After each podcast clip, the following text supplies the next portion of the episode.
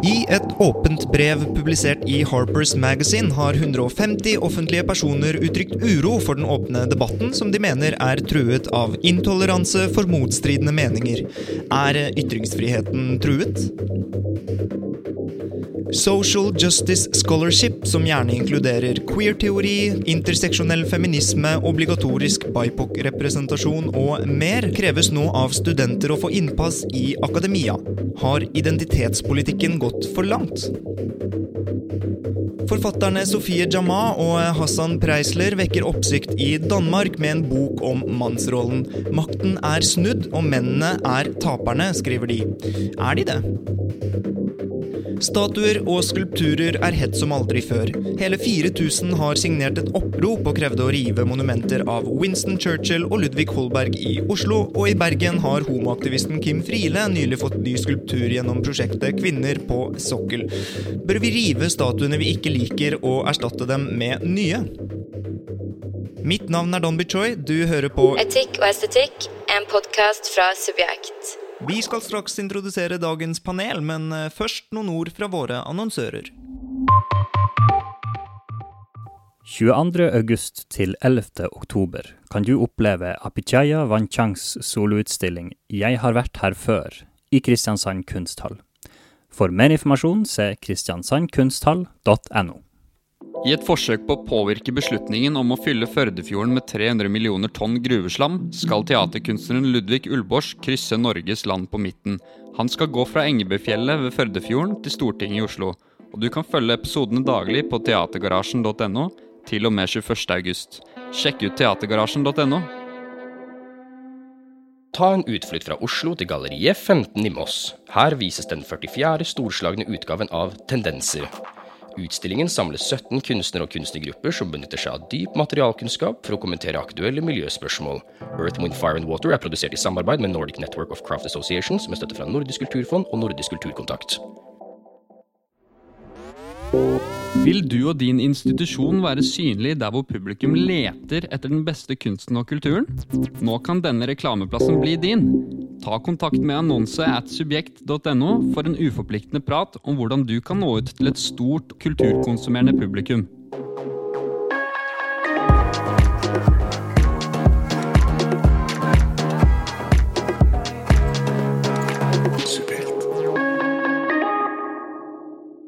Med meg i studio sitter Inger Merete Hobbelstad, mangeårig kulturjournalist og kommentator i Dagbladet, hvor han har jobbet fast siden 2014.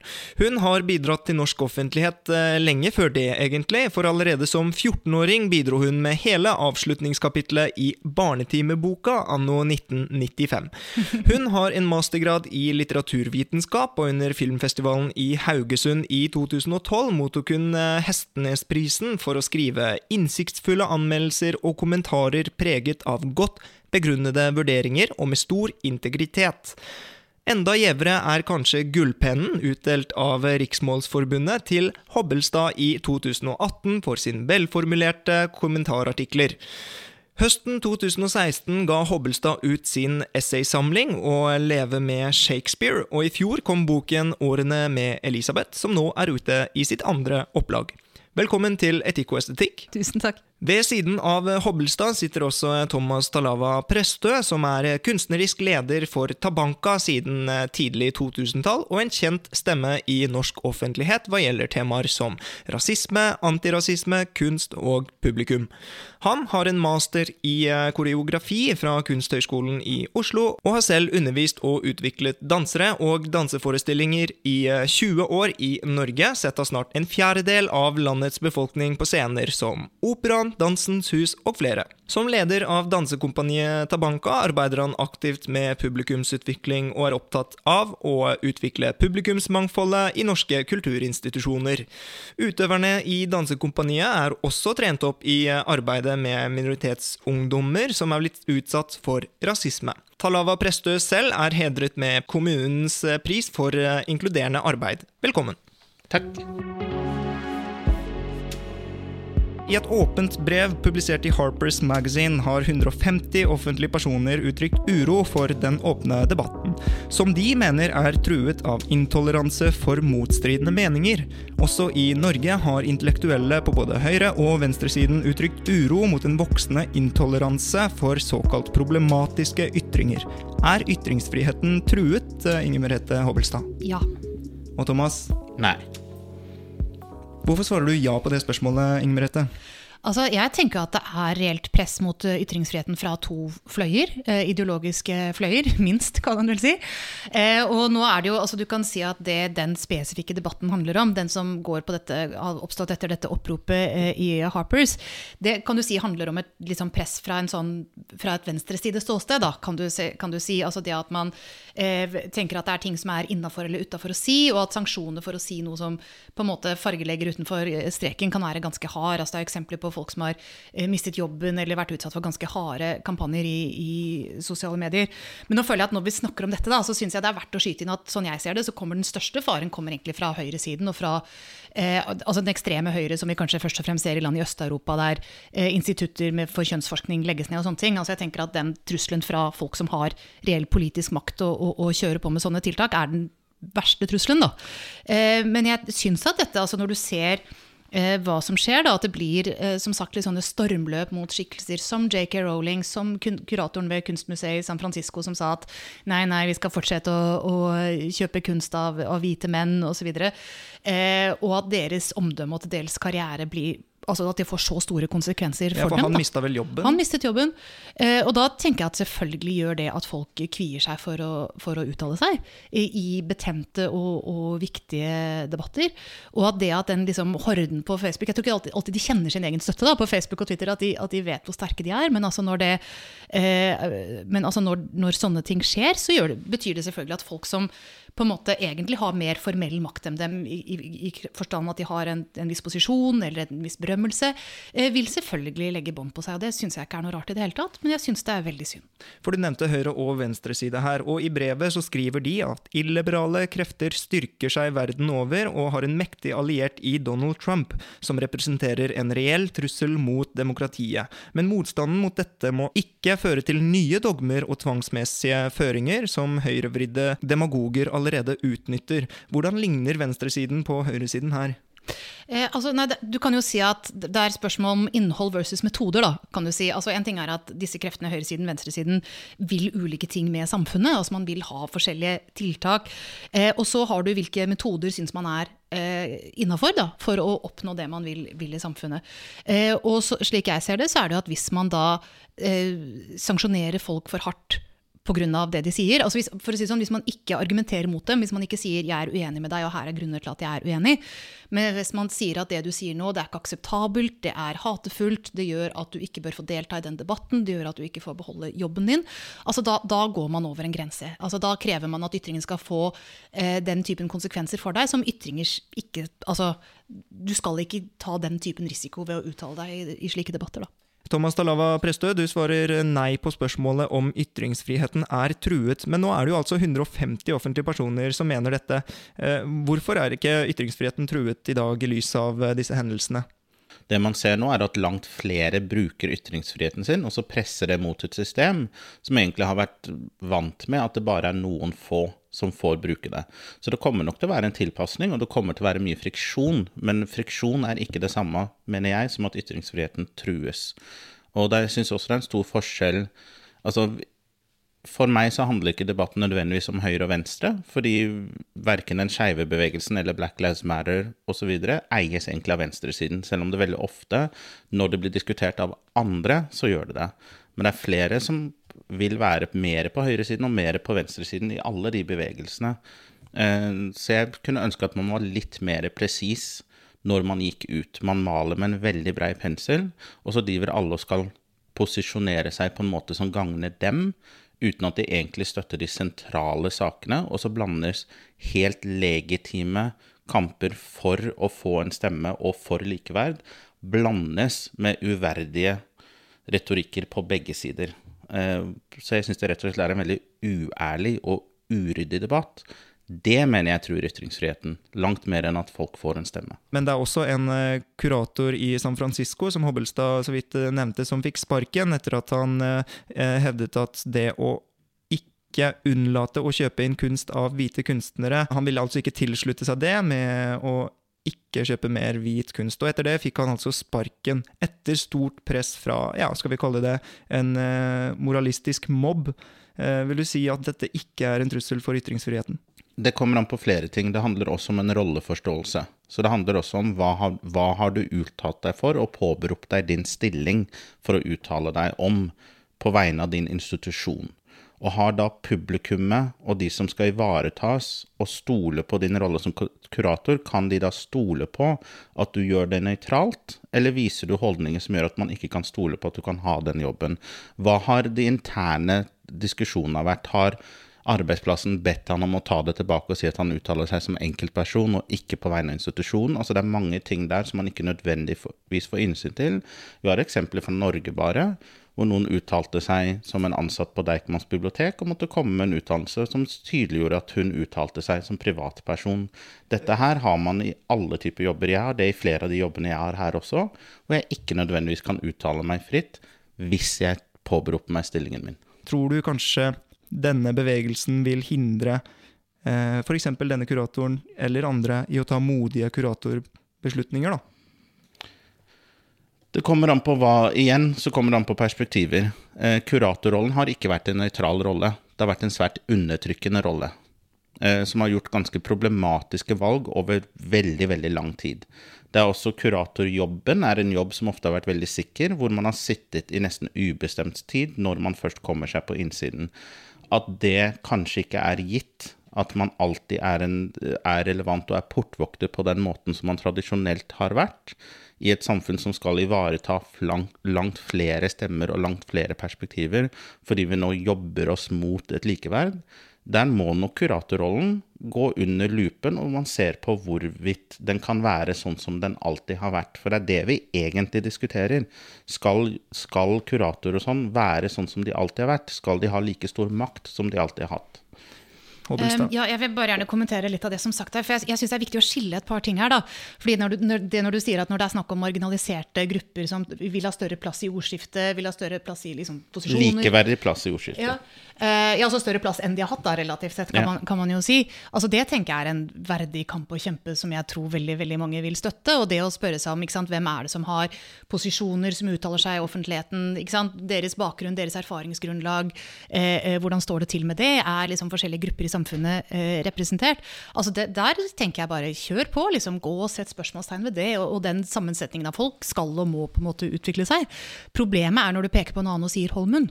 Eh, eller å si at eh, du kan ikke si det du sier nå fordi det eh, plasserer deg utenfor en slags norm da, eh, som man selv har, har, bestemt. Så denne diskusjonen må man på en måte klare å ta uten å, uten å kneble andre. Altså. Og, men, men må ikke en kurator tåle å stå i en slik storm? Absolutt. Eh, og du kan si at har du makt, så må du tåle at dine beslutninger utfordres og kritiseres, selvfølgelig. Men terskelen skal være ganske høy for at du, eh, du må tenke at nå er det hodet ditt på et fat, på en måte. Hvis du er, beveger deg ikke så altfor langt utenfor denne grensen.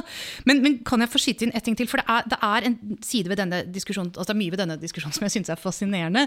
Men du kan si at noe av det jeg liker best ved argumentasjonen til eh, altså, Som jeg hører fra Thomas nå, og, og, som jeg hører fra folk jeg egentlig er litt uh, uenig med ellers, men det er at det er en maktbevissthet her som jeg har veldig sans for. ikke sant? Det at man erkjenner at vi kommer ikke til dette ordskriftet med like forutsetninger. ikke sant? Altså, Her er det grupper som har hatt, hatt det lettere enn andre eh, å, å, nå frem.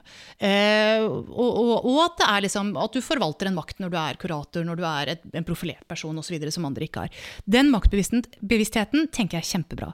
Eh, men den kan bikke over Eh, og blir slik at du sier at fordi du tilhører den og den privilegerte gruppen, så skal du miste den rettigheten som er, på, som er ytringsfriheten. Da, som er en ekstremt hardt tilkjempet rettighet som har kommet inn i demokratiet gjennom hundrevis av år, med kamp for å, eh, for å, komme dit vi er i dag, og som, som, ikke er en reell rettighet i veldig mange eh, steder av verden.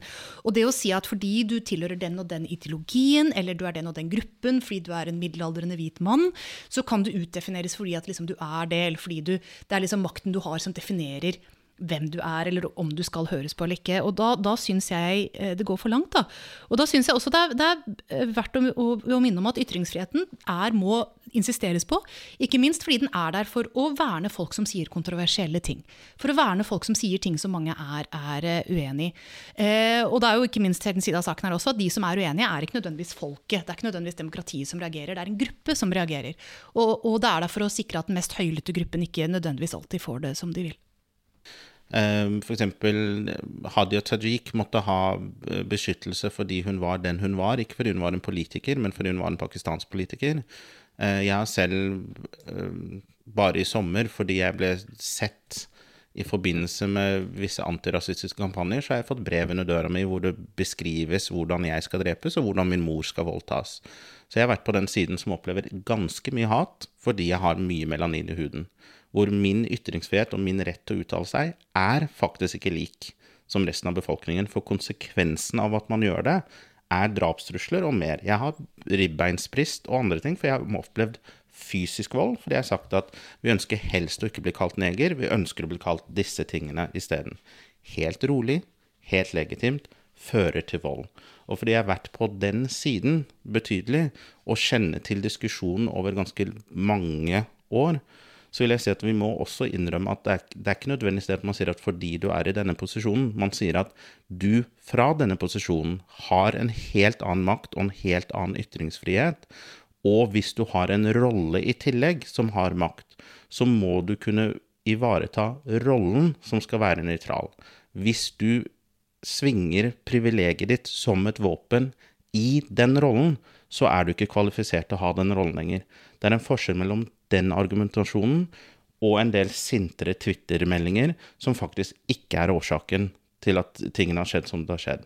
For det er også en del helt legitime brev og sånn som har gått riktig vei og riktig saksgang, som er egentlig det som har ført fram.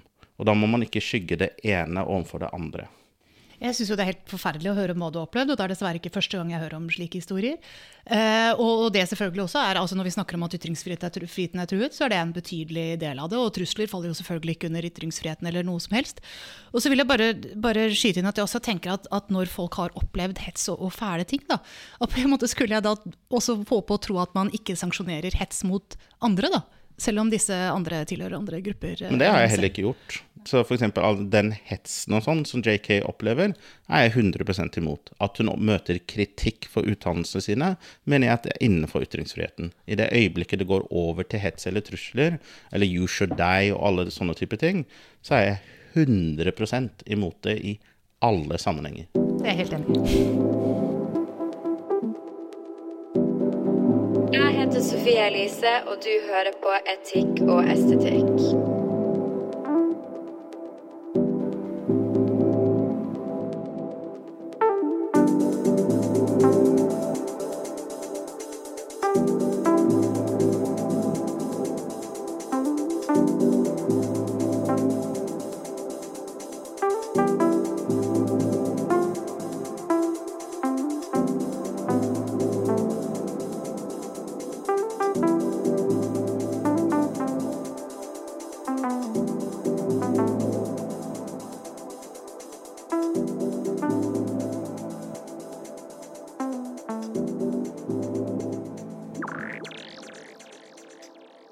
Social Justice Scholarship, som gjerne inkluderer skjev teori, interseksjonell feminisme, kritiske hvithetsstudier, obligatorisk representasjon og annet i uh, institusjonene, uh, kreves av studenter å få innpass i akademia. Nå også i Norge. Men er det så farlig? Er det så farlig det studentene krever, Thomas? Nei. Hva med deg, Inger Merete? Eh, ja, hvis det tas til følge. Hvorfor svarer du nei på det spørsmålet, Talava Prestø? Eh, blant fordi jeg har vært elev ved Kunsthøgskolen selv, og jeg kjenner til noe av historikken i saksgangen som jeg syns media har vært litt dårlig på å få fram, men rektor har prøvd. Eh, det handler bl.a. om trappa, det handler om en ganske, ganske alvorlige metoo-saker som har vært på skolen, og også ganske alvorlige rasismesaker som har vært på skolen. Så elevmassen har i veldig mange år etterspurt at skolen skal ta disse perspektivene mer seriøst, og at også lærerne, som man også må si ikke nødvendigvis er eh, faglærere på samme måte. Det er også veldig mange enkeltstående kunstnere som kommer inn og er, kommer i en autoritetsposisjon overfor elevene. Da er det viktig at de faktisk har den kompetansen som krever for å ivareta at ikke metoo-situasjoner skal skje, at de blir bevisste på sin rolle som kanskje en potensielt arbeidsgiver og lærer i én, hvilken makt har det i rommet, og at de også er klar over hva det tilsier at det kanskje er et mangfold i klasserommet som de ikke er vant med å, med å, måtte håndtere i sin hverdag. For de har en helt annen rolle som lærer. Jeg underviser også i nesten alle de fagene som du nevner, og er derfor klar over hva de fagene innehar. Eh, og jeg mener egentlig at hvis KIO får de fagene inn i sin institusjon, så blir de mer lik institusjonene i resten av Europa, inkludert Sverige og til og med Danmark og at det må til for at de elevene skal være konkurransedyktig i fremtiden. Fordi som vi ser nå, du kan veldig fort som kunstner havne i disse diskursene, og hvis du ikke har noe innsyn i, i disse perspektivene, så vil du heller ikke kunne stå i de diskursene. Det er ikke snakk om indoktrinering av en ideologi. Critical race theory sier ikke at du må elske alle som er svarte. Den lærer deg å ha et kritisk blikk til hvordan disse tingene kan leses inn i kunst, inn i akademia osv. Det er noe helt annet. Ja, for det virker nesten som om eh, frontene står der, hvor man er uenig i hvorvidt dette er vitenskapelig og eh, ja, eller vitenskapelig forankret. Du nevner bl.a. Eh, konkurransedyktighet. Sverige og Danmark. Er ikke litt av poenget her at vi ikke ønsker å dyrke denne gruppetenkningen, da, eller eh, likheten med at man skal dyrke det frie. Eh, og at eh, disse fagene ikke legger opp til det for studentene. Det er nettopp de fagene her er lagd for frihet. Det er det, det er jeg sier hvis man setter seg inn i hva fagene er. Fagene er critical race theory, queerness theory, er lagd for å frigjøre. Det er lagd for å sørge for et ytringsmangfold. Det er lagd for at man skal kunne lage kunst som tør mer, som kan dra strikken lengre, osv. Den er ikke lagd for å begrense. Det er helt motsatt historikk og tankegang her. Det er for å inkludere større og flere stemmer. Jeg mener også som kunstner at jeg kan lage mye tøffere kunst, og kunst som kan slå mye hardere, fordi jeg har kunnskap om temaene og kan derfor gå inn i de og gjøre det kunsten ofte skal gjøre, og være kritisk, og være slagkraftig, og være fri. Dette her er noe som kan gi studentene for å frigjøre de til å få en bredde som vil gjøre at de kunne kan være langt mer kreative. For som sagt, disse studiene, som akademia, er ikke en pekefinger. Så man må, man må skille mellom aktivisme og faglighet. Men mener du at eh, man på skolen eh, ikke nødvendigvis kan eh, utforske kunsten gjennom skjev teori, kritiske rasestudier osv. uten å ha det som obligatorisk pensum på skolen? Da? Fordi det er jo dette i hvert fall brevet til Kunsthøgskolen i Oslo krever. Altså, jeg har gått der. Uh, og det er jo både ansatte, hvis man ser på historikken bare i media, det er både ansatte og elever som har sagt at skolen har et veldig utdatert syn på kjønn, og at man som skeiv ansatt og som skeiv elev ikke føler at man kan gå inn i det. Spesielt som f.eks. når man er i teater og dans, hvor man bruker sin egen kropp og egen identitet kanskje som utgangspunkt. Det at de har sagt sagt, gått ut og sagt at de føler at skolen har en syn og en måte å befekte normativitet på som hindrer deres kreativitet og ytringsmuligheter, da tenker jeg at da skal man høre på det. Jeg har også vært på, gått på den skolen som både skeiv og melaninrik, og vil si at jeg hadde ikke mye muligheter til å utdype meg i noe av det mitt kunstnerskap egentlig handler om, i de to årene jeg gikk der. Uh, Inger Merete Hobbelstad, du konkluderer altså annerledes. Uh, hvorfor det? Ja, altså Som med alle disse tingene, da, så er det noe som krever et litt mer nyansert svar enn det man uh, gir sånn aller først. Eh, så jeg må bare si det at det er jo en del ting i det oppropet fra studentene på Kunsthøgskolen som jeg tenker er helt uproblematisk og sikkert bra. Liksom. Altså, uh, bedre juridisk hjelp for studenter som kommer fra utlandet, bedre tilrettelegging for, for funksjonshemmede. altså at man diskuterer sammensetningen av pensum. altså Alt det er jo helt selvfølgelig, det er bare å kjøre på med. og, og jeg synes jo også at, at det oppropet har fått fått noe kritikk som er litt sånn banal. banal da. Eh, for det er jo ikke sånn at pensum ved en institusjon for høyere utdanning er hugget i stein. Altså Det er ikke sånn at det fins et pensum en gang for alle. Altså Det er sånn man kontinuerlig eh, debatterer og, og, justerer, og at den debatten er, er, eh, levende og full av meninger og følelser, og til dels ganske hard. Altså Det tenker jeg er liksom sånn den, sånn den skal være. Og så kan du si at det er jo en, når man diskuterer diskuterer pensum i et fag som har lange historiske røtter, da, så vil det jo være en avveining å gjøre. Det er at man holder på med et felt som du kan si at særlig i den delen av verden vi befinner oss i, da, så er de siste årene den er dominert av hvite menn. Liksom, fordi det var en i stor grad hvit befolkning, og, og kvinner slapp, det var begrenset hvilke steder kvinner slapp inn og kunne gjøre noe. ikke sant? Så du kan si at det, at man, det å sette seg inn i den tradisjonen krever at man forholder seg til en god del hvite menn. da. Hvis man skal følge liksom påvirkningskjeden liksom, og, og, og, innflytelseskjeden gjennom historien. Men samtidig så er det viktig å, å gå tilbake og se hvilke perspektiver er det vi har glemt, hvilke understømmer er det som har ligget under her, hvilke andre grupper er det som har jobbet og tenkt og holdt på hele denne tiden som ikke er med. Og man bør gjenoppdage dem og ta dem inn og, og sørge for at de blir mer, mer kjent. Eh, så så den, det er det på en måte en spenning og en interessant debatt som er, er kontinuerlig. da. Eh, det jeg eh, reagerer på, er inkluderingen av en del eh, hva skal jeg si, ideologier som jeg tenker er ganske sterkt normative. og som jeg syns står i et visst motsetningsforhold, selv om det sies det motsatte her, til kunstnerisk frihet. For du kan si at, her, her, er det et lite skille, da, fordi jeg personlig håper jo at folk liksom er eh, mot rasisme og jobber for en verden med mindre rasisme er, er bevisst på det. Eh, men jeg syns ikke man skal være liksom forpliktet eller, eller, skal liksom oppdras i å støtte aktivismen i sin egen tid da, som kunstner. Jeg tenker at Der skal du kunne gå absolutt uh, hvor du vil. Og jeg tenker ikke nødvendigvis på kritisk teori her, som det er snakk om, men jeg tenker på dekolonisering, jeg tenker på kulturell appropriasjon, uh, som det foreslås å tas inn i, i pensumlisten her. Uh, og, og, og, og så sies det her at det er faglighet, det er på en måte ikke aktivisme. Eh, men altså de gangene jeg har sett de teoriene anvendt i praksis fra akademikere og kritikere, eh, så har det vært veldig normativt. Og det har vært for å på en måte eh, brukt for å, med en sterk verdiladning, da, for å si om kunstverk liksom gjør det de skal eller ikke skal, eller om de er innafor eller utafor. Og jeg tenker at at, altså, og du kan si at Det preger liksom veldig mye av kunstkritikken for av litteratur, av film i dag. Hvis du ser Særlig i USA så har den blitt veldig normativ. Den har blitt veldig moralsk, veldig verdibasert, sammenlignet med hva den var for si, si 20 år siden. Og, og jeg syns at det er uheldig hvis det går for langt. Da. For jeg tenker at, at kunst skal ikke behøve å være innafor noe som helst. Det skal ikke behøve å være, altså støtte noe politisk, de politiske bevegelsene som vi ellers støtter. Det skal ikke trenge å, å ha et sånt uh, stempel om at det det er oppbyggelig, på en måte. Altså Kampen mot det at kunst skulle være oppbyggelig, det tok man på en måte på, på 1800-tallet, men den må jo tas uh, igjen og igjen. Og, dette, og når det i tillegg kommer at alle ansatte skal gjennom obligatorisk liksom antirasistisk eh, eh, altså kursing, eh, så tenker jeg at, at, dette samlet sett fremstår som et ganske tungt ideologisk eh, prosjekt. Eh, I den grad at jeg tenker at det, det, minner vel så mye om oppdragelse som frigjøring. Da.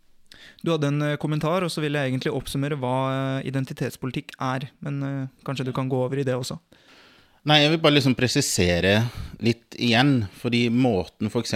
kulturell appropriasjon brukes i clickbait-artikler og på Twitter og sånn i USA, jeg er helt enig i at det er problematisk. Det er nettopp derfor jeg som en som underviser i det, ønsker at elevene skal få en innføring i hva er kulturell appropriasjon, hva er kulturell misappropriasjon, og hva er kulturell ekspropriasjon. Og hvis man klarer å skille de, så kan man gå inn og diskutere hva er det som faktisk skjer på museene hva er det som skjer når Picasso tar fra afrikanske masker for å lage kubisme? Hva er det som skjer når en artist tar og approprierer fra en annen sjanger? Kulturell appropriasjon er ikke nødvendigvis negativt og skjer hele tiden. Så kan man gå over i et misbruk som blir misappropriasjon, eller hvor det er lite undersøkelser som ligger til grunn osv. Eh, jeg har tatt en master på Kunsthøgskolen i pensumplanen så står det at kunstneren, det står også på BA-linjen, skal kunne plassere seg selv i forhold til et felt, og skal kunne reflektere over sin kunst og hvordan det plasserer seg i samfunnet. Disse teoriene, å få en innføring i hva kulturell appropriasjon er osv., bidrar til en kritisk tenkning som vil hjelpe dem med å kunne plassere seg selv i et felt og i forhold til visse ting som er aktuelt i samfunnet. That's it. Har han ikke et poeng? Er det noe så farlig å bli opplært i eh, et begrep som eh, man bruker så mye som nå i eh, kunsten og kulturen? Det blir litt å, å gjenta, gjenta, det jeg sier, da, at det er på en måte litt, litt teori og praksis her. At, at slik, det, slik, det, fremstår for meg, så brukes det i praksis på en annen måte, da, i, i, veldig stor grad. men det jeg kan si, er at hele sånn diskursen om om liksom i hvilken grad forskjellige kunstverk eh, påvirker hverandre. Eh, altså den er, den er, selvfølgelig vesentlig å ha. altså Det å kunne plassere hvor er det inspirasjonen min kommer fra. hvor er det, eh, eh Hvordan er det man faktisk blander og, ta, og, knytter sammen og gjør slike ting. Og det er også selvfølgelig klart at det fins eh, misappropriasjon, som man sier. altså Det fins massevis av tilfeller der kunstnere låner fra andre steder på en vulgær måte, eller på en fordekt måte, eller, eller på en måte man kan, man kan kritisere. Eh, men jeg tenker også at det er noe Og igjen, slik, slik det brukes, da, så er det noe litt farlig ved det å å mistenkeliggjøre den, den, prosessen, på en måte, som, som veldig ofte er, er, det som skjer. Da. Altså Du kan si jeg har holdt på med film. ikke sant? Og eh, det du så for et par år siden, var jo at eh, Wes Anderson fikk ganske hard kritikk og ble beskyldt for kulturell misopprovisjon, blir vel det eh, rette ordet da, for sin eh, film 'The Isle of Dogs', selv om han hadde samarbeidet tett med en eh, japansk konsulent og sånn. Dette var jo da en animasjonsfilm som, som foregikk eh, i, i, Japan. men samtidig har du på en måte, altså historisk sett så har jo også Japan, altså dette, japansk og amerikansk film har jo lånt mye av hverandre, ikke sant. Akira Kurosawa, den store japanske regissøren, lånte jo veldig mye både fra Hollywood-filmen og fra Shakespeare Shakespeares tekster som han på en måte laget sine versjoner av i, Iran, eh, blant annet, er vel den mest, eh, den mest kjente. Eh, og ingen ville jo finne på å liksom, kritisere Kurosawa fordi han benyttet seg av amerikanske sjanger ikke sant? og laget sine virkelige mesterverk. Eh, men jeg syns det er problematisk på en måte hvis en amerikansk regissør kritiseres for å låne fra japansk kultur, men en, en japansk eh, regissør ikke sant, vil jo ikke kritiseres for å låne fra USA. Og det gjør jo på en måte at amerikansk kultur blir den som da får størst nedslagsfelt, fordi japaneren kan forsyne seg av den, mens amerikaneren ikke like lett kan forsyne seg av det japanske. ikke sant? Og det, det blir på en måte litt sånn selvskudd, nesten, fordi den, det gjør jo da at færre vil våge, tenker jeg. Og, og, for, og bruke, liksom, la seg inspirere av estetikken og, og stilartene i, i, japansk film, f.eks.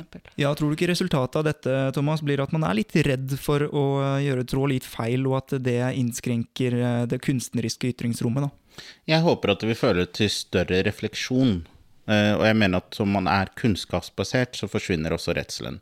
Så det er noe med at den reddhetsgreia er litt for lettvint for meg, og den brukes også veldig ofte av én spesifikk posisjon. Eh, jeg syns den er for lettvint. Jeg i min kunst må berøre veldig mange ting som er veldig vanskelig hele tiden. Jeg har ikke to dansere i mitt kompani som har samme kulturelle bakgrunn. Eh, og vi trekker på flere av de. Jeg har muslimske kvinner som danser i kompaniet osv. Vi berører veldig mange betente og vanskelige temaer hver eneste dag. Og vi gjør det på hovedscenene, og vi gjør det med de gruppene som kan dømme oss, i salen. Grunnen til at jeg kan gjøre det, er fordi jeg har brukt betydelig tid på å gå inn i de uredd, og har stått til kritikk i over 27 år for det, hvor noen har snudd, noen har ikke snudd. Noen vil sikkert at jeg skal brenne i helvete osv. Det er en del av å være kunstner, på en måte. Jeg syns det er litt for lettvint. Men jeg syns også noen har fått gå fram uten noen som helst motstand veldig lenge. Og som man sier ofte, for den privilegerte så virker likeverd som undertrykning. Jeg tenker at det er en relevant ting.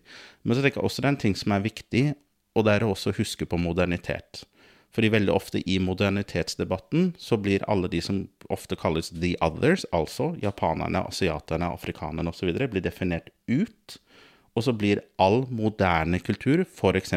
amerikansk kultur, som amerikansk kultur er allerede en smeltedigel fra svært mange kulturer. Den er ikke i samme grad som japansk dyp kultur er, f.eks., undertrykt eller en representasjon for én spesifikk folkegruppe.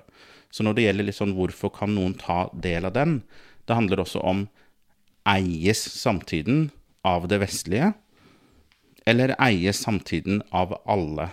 Og når, hvor går grensene mellom hva som er samtiden, og hva som f.eks. er en spesifikk etnisk denotasjon som har en betydning som er mer eller mindre hellig eller dyp for noen. Der nettopp trenger man faktisk mer historiekunnskap, mer faglighet for å kunne ha de diskursene, og det skjer. Heldigvis så skjer det, men det er ikke den diskusjonen som skjer på Twitter. Og derfor jeg mener man kan ikke dømme akademia basert på ja, men på Twitter så bruker noen folk det sånn. Ja, de folkene har nettopp ikke hatt et sånt kurs. Er mitt svar til det. Jeg kan bare skyte inn at Det er ikke bare på Twitter. altså Hvis du f.eks. googler Wes Andersons film, så vil du finne ut at nesten alle liksom, eh, analyser eller anmeldelser av den filmen diskuterer liksom, den problematiske filmen, forholdet til Japan mm, osv. Dette er en film med veldig mange lag, veldig mange sider. Jeg, jeg likte den veldig godt. Men alt liksom, det drukner fordi hele diskursen handler om hvordan, altså Var han eh, respektfull nok i møte med det japanske? da? Og så kan du si at selvfølgelig, du skal ikke nedlegge noe forbud mot å ha den debatten, det er helt greit, det. Men altså, det ble altså så tungt inn i den, eh, en så tung faktor da, eh, inn i den debatten. altså Jeg lurer på hvordan det er å være ham og se at hele resepsjonen av filmen hans handler om det. Eh, og gjør at jeg tenker at det er sikkert mange som da heller kommer til å unngå det helt i fremtiden, og ikke, ikke lage filmer som er den der fine blandingen av ting og ta litt ting herfra og derfra, som jeg ofte syns er en god ting, da, sånn kreativitet fungerer, i stedet for å lide den samme skjebnen. da. Frontene i den identitetspolitiske kampen virker jo å møtes litt ved maktkampspørsmålet. Senest i går, tror jeg det var Stian Grøgaard, professor ved Kunsthøgskolen i Oslo, sa i, uttalte i Klassekampen at Studentenes krav litt mer, minner litt mer om en maktkamp enn den gjør eh, på et, en interesse for eh, faget. Og, og, så er det jo også sånn at eh, identitetspolitikken har gitt mange rettigheter opp igjennom. Altså, homofiles rettigheter har jo eh, i sterk grad vært eh, kjempet av det man i dag kaller for identitetspolitiske eh, bevegelser. Og kanskje identitetspolitikken da havner havner nede ved en eh, sånn eh, diskursendring, da, når man ser på identitetspolitikken som ønsker å innta eh, akademia. Men så vil du kanskje ikke kalle det for eh, identitetspolitikk? Jeg vet ikke, Prøste. Jeg, fordi jeg jobber faglig med det, så skiller jeg veldig tydelig mellom rettighetsarbeid og identitetspolitikk. Så borgerrettighetsbevegelsen, f.eks., var rettighetsarbeid, det var ikke identitetspolitikk. Klu Klux Klan er identitetspolitikk f.eks. Og det er en ganske viktig skille mellom de to. Så igjen så skjer det noe, og det er en spesifikk agenda for hvorfor man kaller alt identitetspolitikk. Sånn at man kan putte noen som demonstrerer for rettigheter på en fredelig måte, og noen som demonstrerer for at noen skal dø eller ha det verre, sånn at vi kan lompe de sammen og si at dette er det samme. Det er ikke det samme. Så igjen så etterspør jeg på en måte at man må faktisk være mye mer spesifikk, sånn at man kan diskutere ting ordentlig og komme fram til hva, hva mener vi egentlig, og hvor, hva er problematisk, og hva er ikke problematisk, osv. Så, nei, jeg vil, mye av det som kalles identitetspolitikk i dag, er ikke det. Det er rettighetsarbeid. Og så er det noe som går over i identitetspolitikk. Er identitetspolitikk en maktkamp, uh, Inger Merete Hobbelstad? Jeg tenker at det meste har en side av seg som er en maktkamp, på en måte. Altså man har er en, enig. Ja, altså Man har en arena, man har en pensumliste, eller man har en offentlighet, eller man har der det er plass til så og så mange, og, er, eh, og, og så og så mange ståsteder. Og det er jo alltid en liksom pågående kamp om hvem som skal ha ha plassene der, da, hvem som skal liksom komme med de, de dominerende eh, ideene. Um, men noe av det jeg ofte altså, til, For å komme litt tilbake til det jeg sa i sted. Da, eh, altså Det jeg syns er positivt, og som jeg ofte syns er liksom lærerikt når jeg leser eh, tekster som har et liksom for å kalle det et identitetspolitisk ståsted, for å gjøre, liksom, lage en veldig stor paraply over det, eh, det er jo å få påminnelser om hvordan verden ser ut for folk som ikke er som meg. Eh, altså Det kan være om jeg leser eh, sant, The Underground Railroad, eller om det er Jan Grue som skriver om hvordan det er å bevege seg gjennom Oslo når han er funksjonshemmet. Det er liksom den påminnelsen om at det er masse sider ved denne tilværelsen, ved denne byen, som jeg ikke tenker på til daglig, og at det er på en måte en luksus jeg har, at jeg slipper å tenke på det. Eh, men som andre er nødt til å forholde seg til hele tiden. Den biten av det syns jeg er svært verdifull. Eh, det jeg er kritisk til, det er dette med at identitetspolitikk har det med å gjøre bakgrunn og ytre kjennetegn til veldig definerende. Eh, altså Det er på en måte hvilken gruppe du tilhører som, som, er på en måte utgangspunktet for at du uttaler deg, utgangspunktet for det du beskriver, utgangspunktet for hva du liksom sier er problemet med andres argumentasjon. ikke sant? At det er en erfaring de ikke, eh, ikke har tilgang til. Eh, og, og, og, det er også noe jeg tenker med dette oppropet på Kunsthøgskolen. Altså noe av det jeg syns er problematisk ved det, ved det, oppropet, er jo at det er snakk om at hvis det er eh, felt eller grupper der det kun er hvite professorer, så skal man liksom ha inn en, en person med eh, minoritetsbakgrunn. Og det, det innebærer på en måte å utdefinere noen pga. sin bakgrunn. Da, altså nettopp disse, disse, hvite professorene som er der. Eh, og da, da, går det til et sted som jeg ikke syns er bra i det hele tatt, og som jeg tenker at denne kampen tross alt handler om å overvinne. da. Nettopp at dette skal være skiller. ikke sant? At, skal være, at, det, at det skal være det som relativt ytre kjennetegn sånn sett, og ikke alt det som tross alt forener oss da, som mennesker. Altså det at vi, har, vi alle har kjærlighetssorg, vi har alle en mamma, vi har alle eh, forskjellige ambisjoner for livet. vi har, altså, altså Alt det som gjør at altså der det ikke er så store skiller for oss. da, Som jeg tenker egentlig er det som jeg gjerne ser at, at blir lagt mer vekt på. Her kommer en eh, liten presseetisk eh, note, for jeg har jo eh, engasjert meg litt i deler av denne debatten, så jeg modererer med et standpunkt noen kjenner til. Jeg skal ikke la det overstyre. Men som Inger Merete Hobbelstad sier, Thomas Talava Preste, hun sier at Identitetspolitikken eh, har masse sider som eh, er eh, frigjørende, og som belyser mange sider av mange minoriteters og nye i offentlighetens liv, og hva de opplever. Men så kommer det til et punkt hvor den kanskje skårer selvmål, eller, eller, lar kanskje etnisk bakgrunn definere over kanskje faglighet og andre mål, som f.eks. akademia bør legge lista på. da. Både ja og nei. Altså, ennå til gode å se at det har at identitetspolitiske avgjørelser har overveiet faglig kompetanse, f.eks. noe sted. Jeg kjenner ikke til mange sånne saker. Jeg har mange tilfeller av motsatt, motsatt karakter, hvor folk har blitt diskriminert ut av arbeidslivet og jobber pga.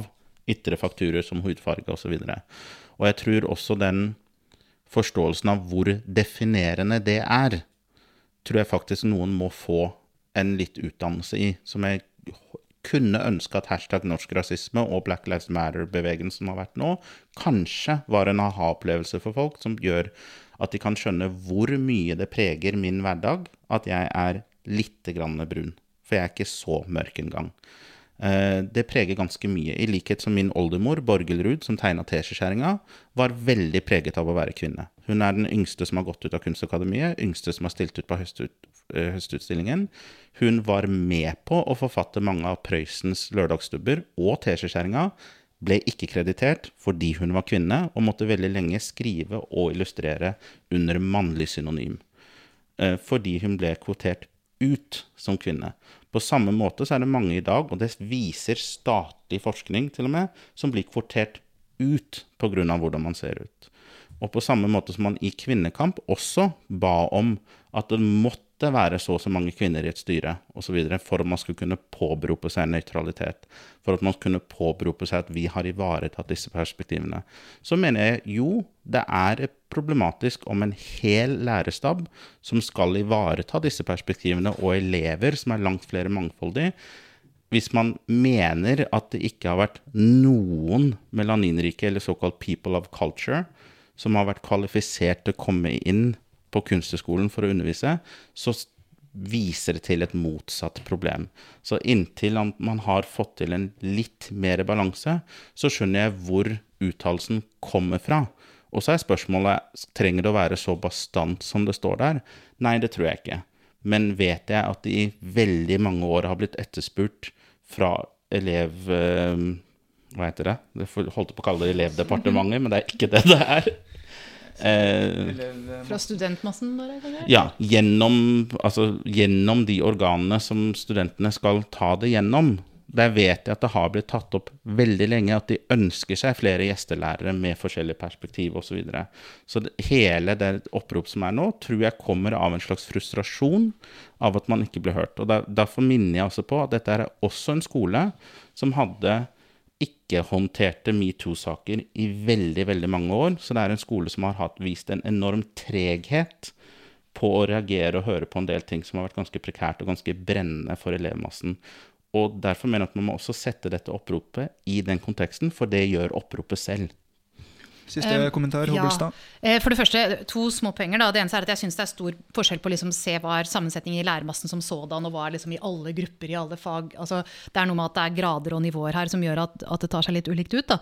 Men jeg skal tenke jeg bare skulle komme med et ørlikt eh, hjertesukk på vegne av en gruppe som, som ikke har det spesielt vanskelig, da, nemlig Shakespeare-kjennerne. Eh, fordi det er iblant sånne, eh, situasjoner hvor jeg oppdager at, opplever at argumentene mine ikke blir tatt alvorlig, ikke pga. innholdet i dem, men fordi jeg på en måte kan plasseres innenfor en viss identitet, faktisk. For jeg har skrevet en bok om Shakespeare, da. og med Shakespeare så eksisterer det en konspirasjonsteori som går på at, eh, at Shakespeare ikke var Shakespeare, ikke sant? at det var en annen mann som skrev eh, verkene hans. Eh, det er bare tull, det er ingen reell faglig uenighet eh, om dette. Eh, men når jeg er rundt og holder foredrag, så konfronteres jeg blant med det, og, og jeg får iblant eh, noen sinte e-poster om det. Og, og, hvor jeg prøver å forklare da, jo, vet du hva, vi er ganske sikre på at Shakespeare var Shakespeare pga. A og B og C. Og jeg, jeg prøver ikke å sidestille dette med noe som helst, annet er bare så det er sagt. Og så argumenterer de ofte tilbake, og så argumenterer jeg tilbake. Og før eller siden så får jeg liksom svaret at ja, men dette sier du bare fordi du skal beholde posisjonen din. Du skal beholde hegemoniet ditt. Eh, fordi du er en fagperson, du har penger å tjene, du skal skrive bøker, du skal holde foredrag. Eh, det er derfor du liksom avviser oss. Ikke sant? Så på, på, et punkt så slutter du å gå på det jeg sier, og begynner å gå på den jeg er. Og hva skal jeg si da, liksom? Altså, da er det på en måte eh, da, da, da, kan du ikke argumentere lenger, liksom. Eh, og det med liksom hvor, hvor, frustrerende det er da, å si at ok, nå kan jeg egentlig eh, si samme hva jeg, altså Det er samme hva jeg sier, fordi du har plottet meg inn liksom i kartet ditt på hvem jeg er, og du godtar eller avviser meg på grunnlag av det. Eh, syns jeg er en generell uting, egentlig samme hvordan det dukker opp. Og du kan si at Jeg, jeg opplever det også iblant på vegne av journalister liksom som sådan. da. For de får jo blant ut, veldig sinte e-poster som går på, ikke på innholdet i det vi skriver, men som går på fordi vi er såkalt mainstream media. ikke sant? Fordi vi er den urbane eliten. Fordi vi er det og det. Det er grunnen til at vi skriver som vi gjør, og det er grunnen til at de som skriver til oss, bare velger å avfeie det. Ikke ta det alvorlig, ikke se på fakta i det vi skriver. Eh, klimaforskere opplever jo dette hele tiden. ikke sant? Og, og derfor jeg tenker at, at det å forholde seg til det som, altså Være mer orientert mot hva er det som sies, og ikke hvem er personen som sier det. At det er noe med å ha det med seg hele veien. Altså, fordi, fordi, alternativet er, er, virkelig ikke bra, selv om det kan ha noe for seg iblant. Kort kommentar, Prestø. Er ikke det en uting å uh, se på uh, hvem de er, i stedet for hva de sier? Jo, men absolutt. Men det, altså, det, jeg sier, går ikke på at du skal se på hvem de er istedenfor hva de sier. Og Derfor sier jeg det er veldig viktig å skille mellom rettighetsarbeid og representasjon, og, skille, og at du kan ikke uttale deg i det hele tatt fordi du er blond og blåhøyd osv. Takk. Vi skal over på uh, tredje tema. Vi har langt over tid på uh, nummer to. ja, bare fordi vi er så utrolig gode intervjuobjekter. ja.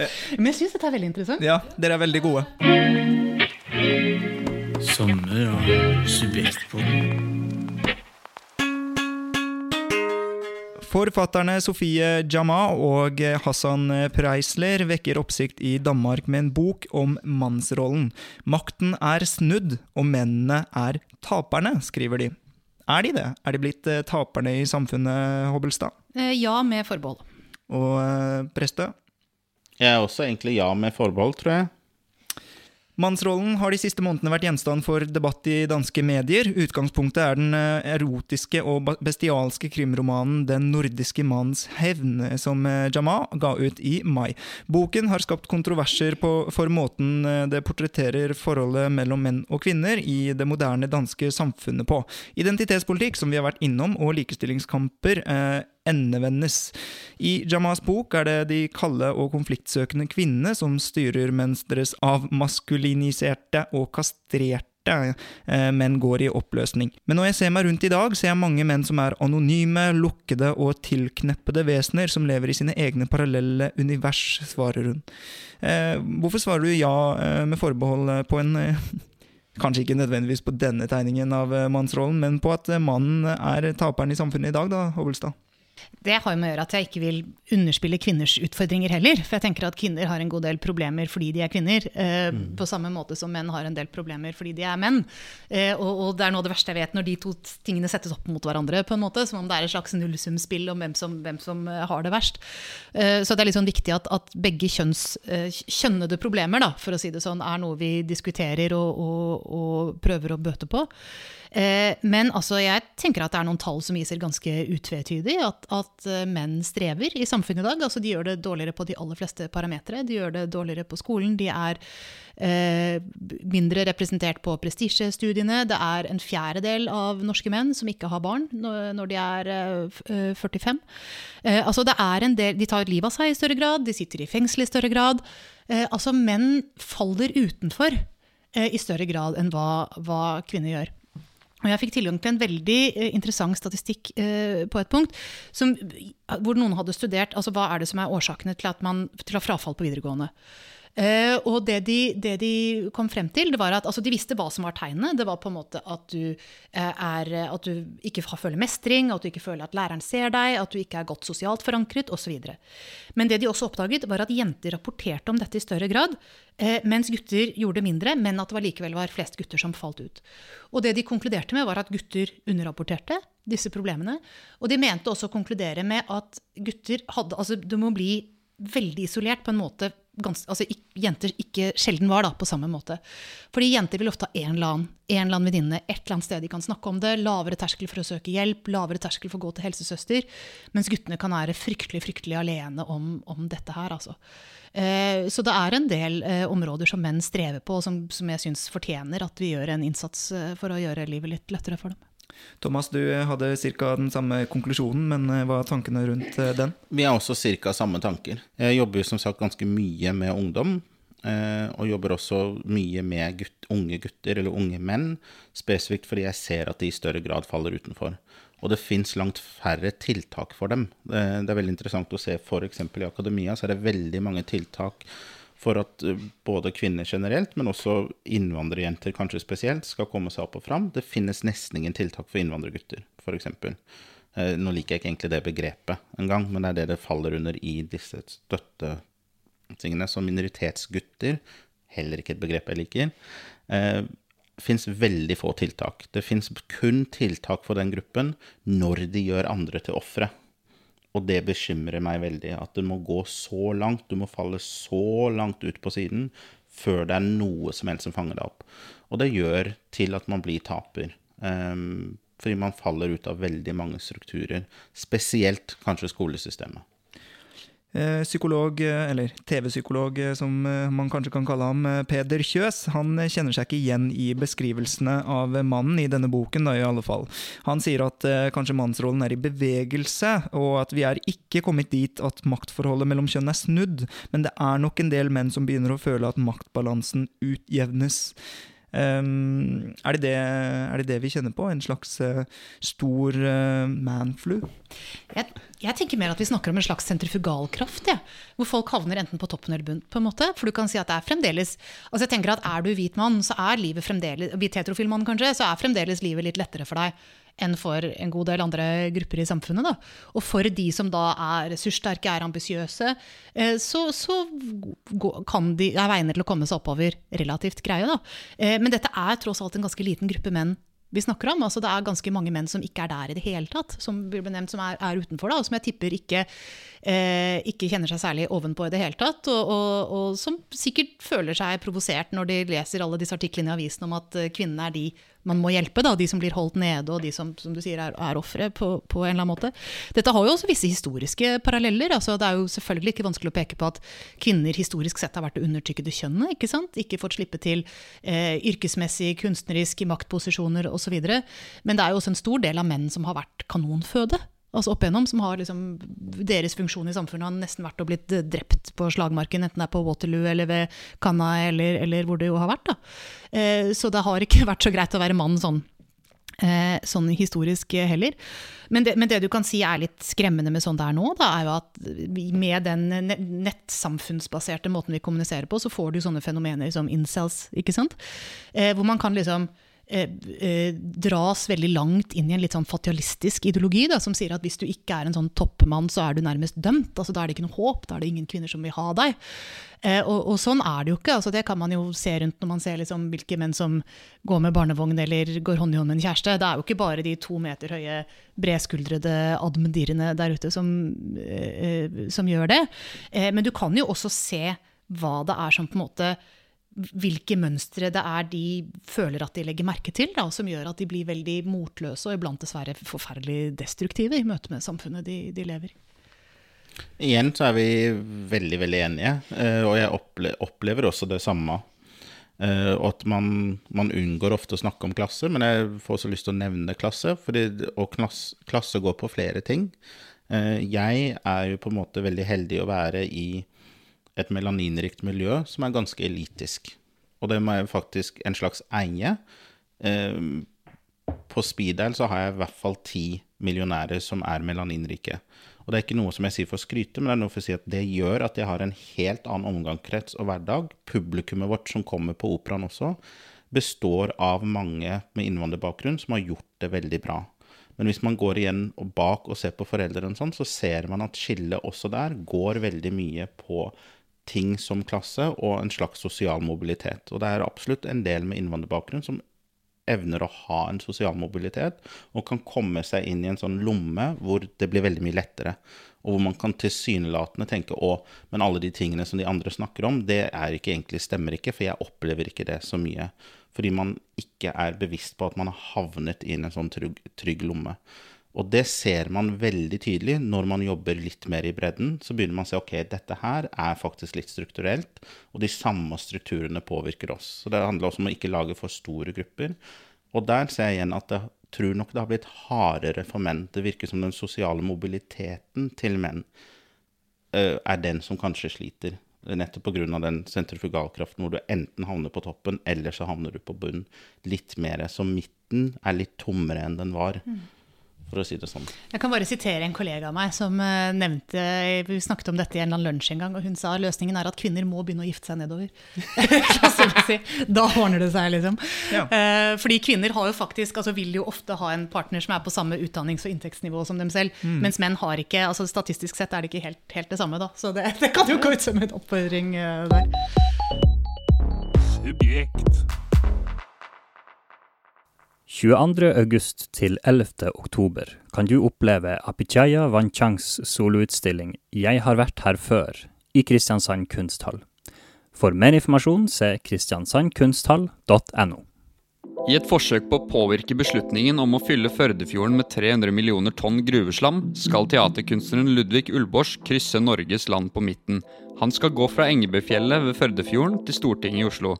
Og du kan følge episodene daglig på teatergarasjen.no til og med 21. august. Sjekk ut teatergarasjen.no. Ta en utflukt fra Oslo til Galleriet 15 i Moss. Her vises den 44. storslagne utgaven av Tendenser. Utstillingen samler 17 kunstnere og kunstnergrupper som benytter seg av dyp materialkunnskap for å kommentere aktuelle miljøspørsmål. Earth, Wind, Fire and Water er produsert i samarbeid med Nordic Network of Craft Associations med støtte fra Nordisk kulturfond og Nordisk kulturkontakt. Vil du og din institusjon være synlig der hvor publikum leter etter den beste kunsten og kulturen? Nå kan denne reklameplassen bli din. Ta kontakt med annonse at subjekt.no for en uforpliktende prat om hvordan du kan nå ut til et stort kulturkonsumerende publikum.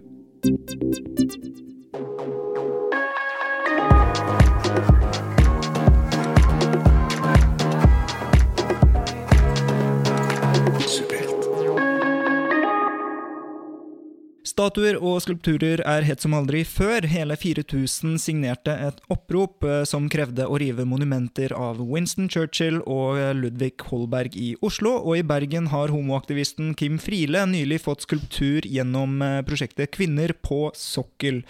Først, bør vi rive statuene vi ikke liker, Inger Merete Hobbelstad? Generelt nei. Thomas Dallava Preste? Ja, altså nei til den formuleringen.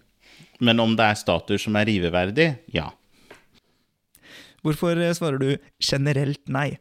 Eh, fordi sånn i det store og det hele så tenker jeg at, at, vi må ta fortiden på godt og vondt, på en måte. Den har overlatt eh, et bybilde og en historie og et sett av statuer som er preget av den tiden det var i, og det er folk som har eh, formet historien på godt og vondt, og de som står på statuer, de fleste av dem på godt, da. Eh, men som samtidig har holdninger og, og, verdier som ikke er i tråd med det vi tenker i dag i det hele tatt. ikke sant? Og det kan vi på en måte ikke forvente. Og, og jeg tenker at hvis vi visker ut dem fordi de ikke lever opp til vår standard i så henseende, så, så er det mye vi mister litt sånn direkte tilgang til, da, som jeg syns egentlig vi godt kan ha. At det er bedre å se på disse statuene og ha i mente om at, at dette var feilbarlige personer som oss. og i likhet med oss var de preget av sin tid, og, og noen mer eh, enn andre. Eh, når det er sagt, så tenker jeg at det er unntak eh, for dette her. Altså, du kan tenke deg Hvis det hadde blitt satt opp en statue av Hitler på Karl Johan under andre verdenskrig, den ville falt i øyeblikket krigen var over. ikke sant? Selvfølgelig. Eh, at man tar ned statuer av Stalin, selvfølgelig gjør man det. Eh, Og, og, slik jeg ser det, så syns jeg det er helt greit at man fjerner uh, sørstatsgeneraler i USA. Jeg syns det er riktig. Eh, og det har litt med å gjøre at, at, disse statuene er på en måte i så stor grad et del av et ideologisk og undertrykkende prosjekt. Eh, altså du kan si Statuen av disse sørstatsgeneralene ble jo ikke satt opp under den amerikanske borgerkrigen. De ble ofte satt opp ganske god, en god stund etterpå. Og for å på en måte Eh, prøve å videreføre ideologien, den rasistiske ideologien da, som, som, var blitt overvunnet, eh, i hvert fall enn så lenge, eh, i løpet av borgerkrigen. Og for egentlig å være en påminnelse, og vel dels en skremmende påminnelse eh, om det. Eh, så du kan si at i den grad det gjelder personer som er på en måte på den sokkelen fordi hele prosjektet deres var knyttet til å undertrykke andre, eh, da tenker jeg at vet du hva, ta dem ned. Eh, men når det er f.eks. en skikkelse som Churchill, med alle Churchills motsetninger, da, som var åpenbart var rasist, eh, og samtidig var en av de viktigste personene i verdenshistorien hva gjaldt å nedkjempe den mest rasistiske ideologien, nemlig nazismen. ikke sant? Så der har du en skikkelse som er på en måte utrolig menneskelig i å, å romme godt og vondt. da, og mørkt og lyst og, og blindhet og, og, og innsikt. Eh, og den, det motsetningsfylte og paradoksale i Churchill tenker jeg at det, det, er vi nødt til å leve med. Og at hans rolle i vår historie er så vesentlig eh, at han hører hjemme som en markant figur da, det, når vi ser tilbake på historien. Prestø? Eh, nå er vi igjen også ganske enige, egentlig. Eh, det eneste som jeg tenker på som er liksom den tilleggstingen, er at vi må huske litt på at f.eks. nazismens posisjon og Hitlers posisjon osv. handler også litt om hva man ønsker å ta avstand fra og ikke. Altså hva man føler seg truffet av. Eh, og det jeg mener med det, er at det fins ganske mange som kan ha vært en Hitler for andre, selv om det ikke var det for oss. Eh, kong Leopold er et eksempel i Belgia. Han drepte mer enn ti millioner kongolesere. For eksempel, det er tilsvarende hvor mange jøder som døde under andre verdenskrig angivelig. Eh, jeg er ikke for den sammenligningen sånn, men bare for å på en måte få fram at for mange afrikanere og kongolesere så vil han faktisk være minst like grov for de som Hitler på en måte ville være for oss. Og det er det som jeg syns mangler litt. men jeg synes, du, du, var veldig ryddig på det, men jeg syns det mangler i den brede diskusjonen. At man faktisk går litt mer kritisk til verket og ser, kan skjønne hvorfor en del er kritiske til noen av de statuene, fordi de personene kan ha hatt en ganske annen betydning eller rolle, litt ut fra hvor man står og ser på de. Um, og der syns jeg også det er litt konstruert. Jeg syns når man prøver å hente inn til Norge en lignende statudiskusjon som skjer andre steder i verden hvor det har vært mye steilere fronter, så gjør man også noe som er feil. Og det er alltid, det er alltid litt det som skjer nå. Eh, og det er veldig viktig at liksom alle disse tingene settes inn i en norsk kontekst.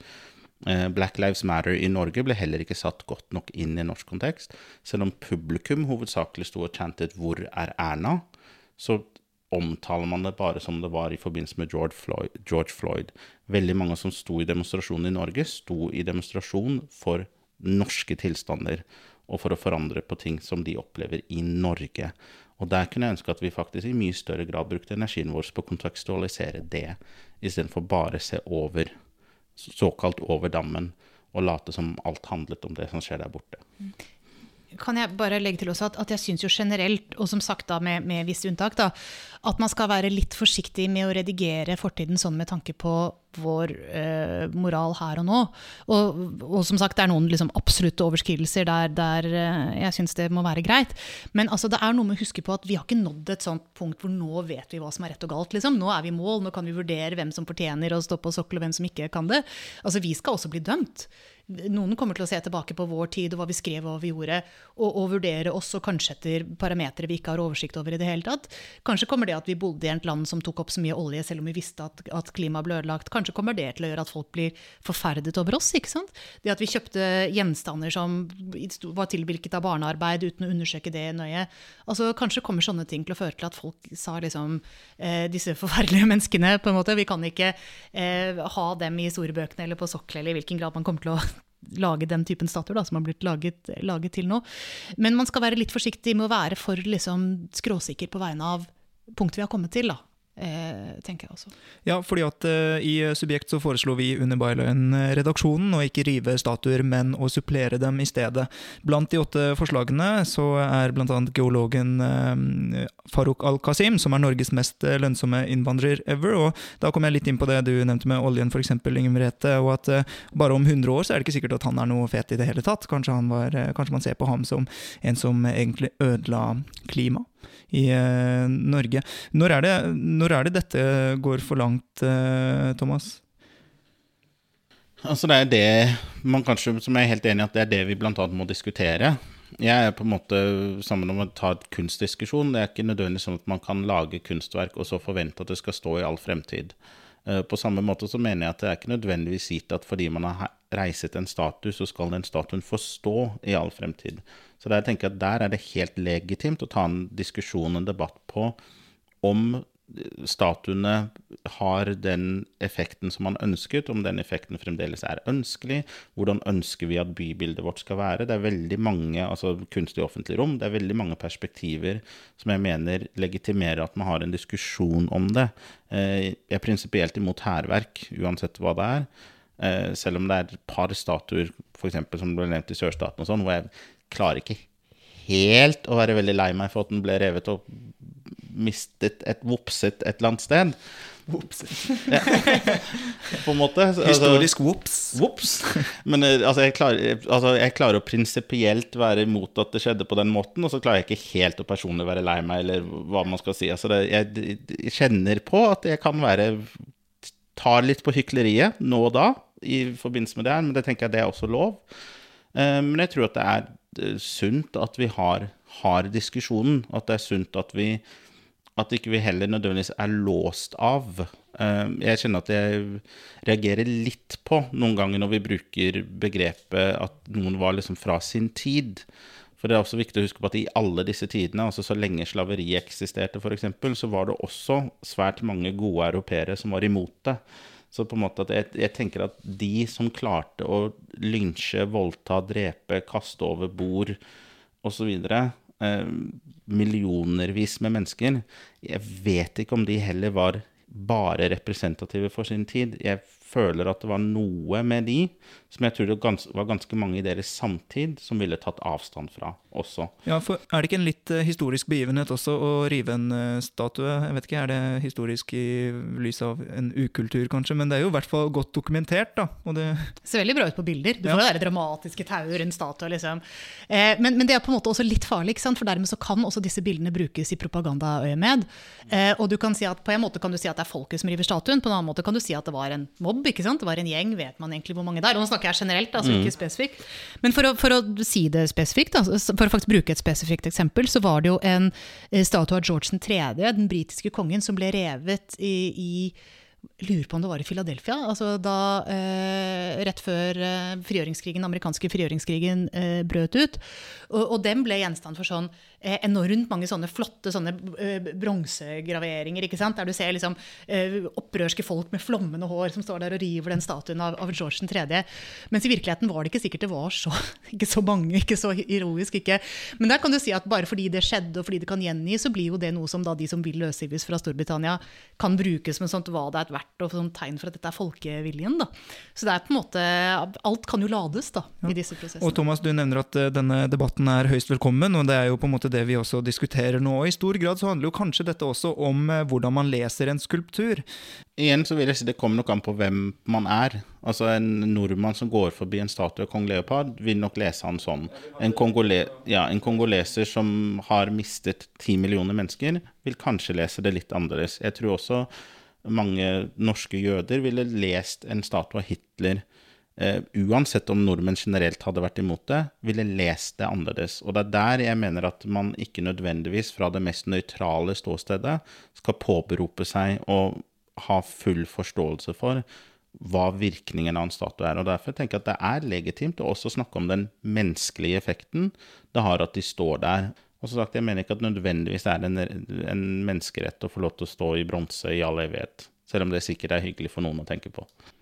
Kan jeg bare si at jeg er jo fremdeles litt lei meg for at Holberg liksom nevnes i samme uh, setning som dette her. For du kan si at noe vi har sagt siden denne debatten var i Norge, det er jo Churchill og Holberg. fordi det var der uh, man på en måte uh, Det var de to statuene det ble underskriftskampanjer mot. Men det er jo svært stor forskjell på disse to skikkelsene. Altså, som, som sagt, Churchill hadde uttalelser og, og dels politikk som angikk folk med annen hudfarge som virkelig ikke var bra. Da. Mens, mens Solberg, etter det der har det vært skrevet masse i etterkant som har ettergått hans uh, handlinger og ord i forbindelse med dette.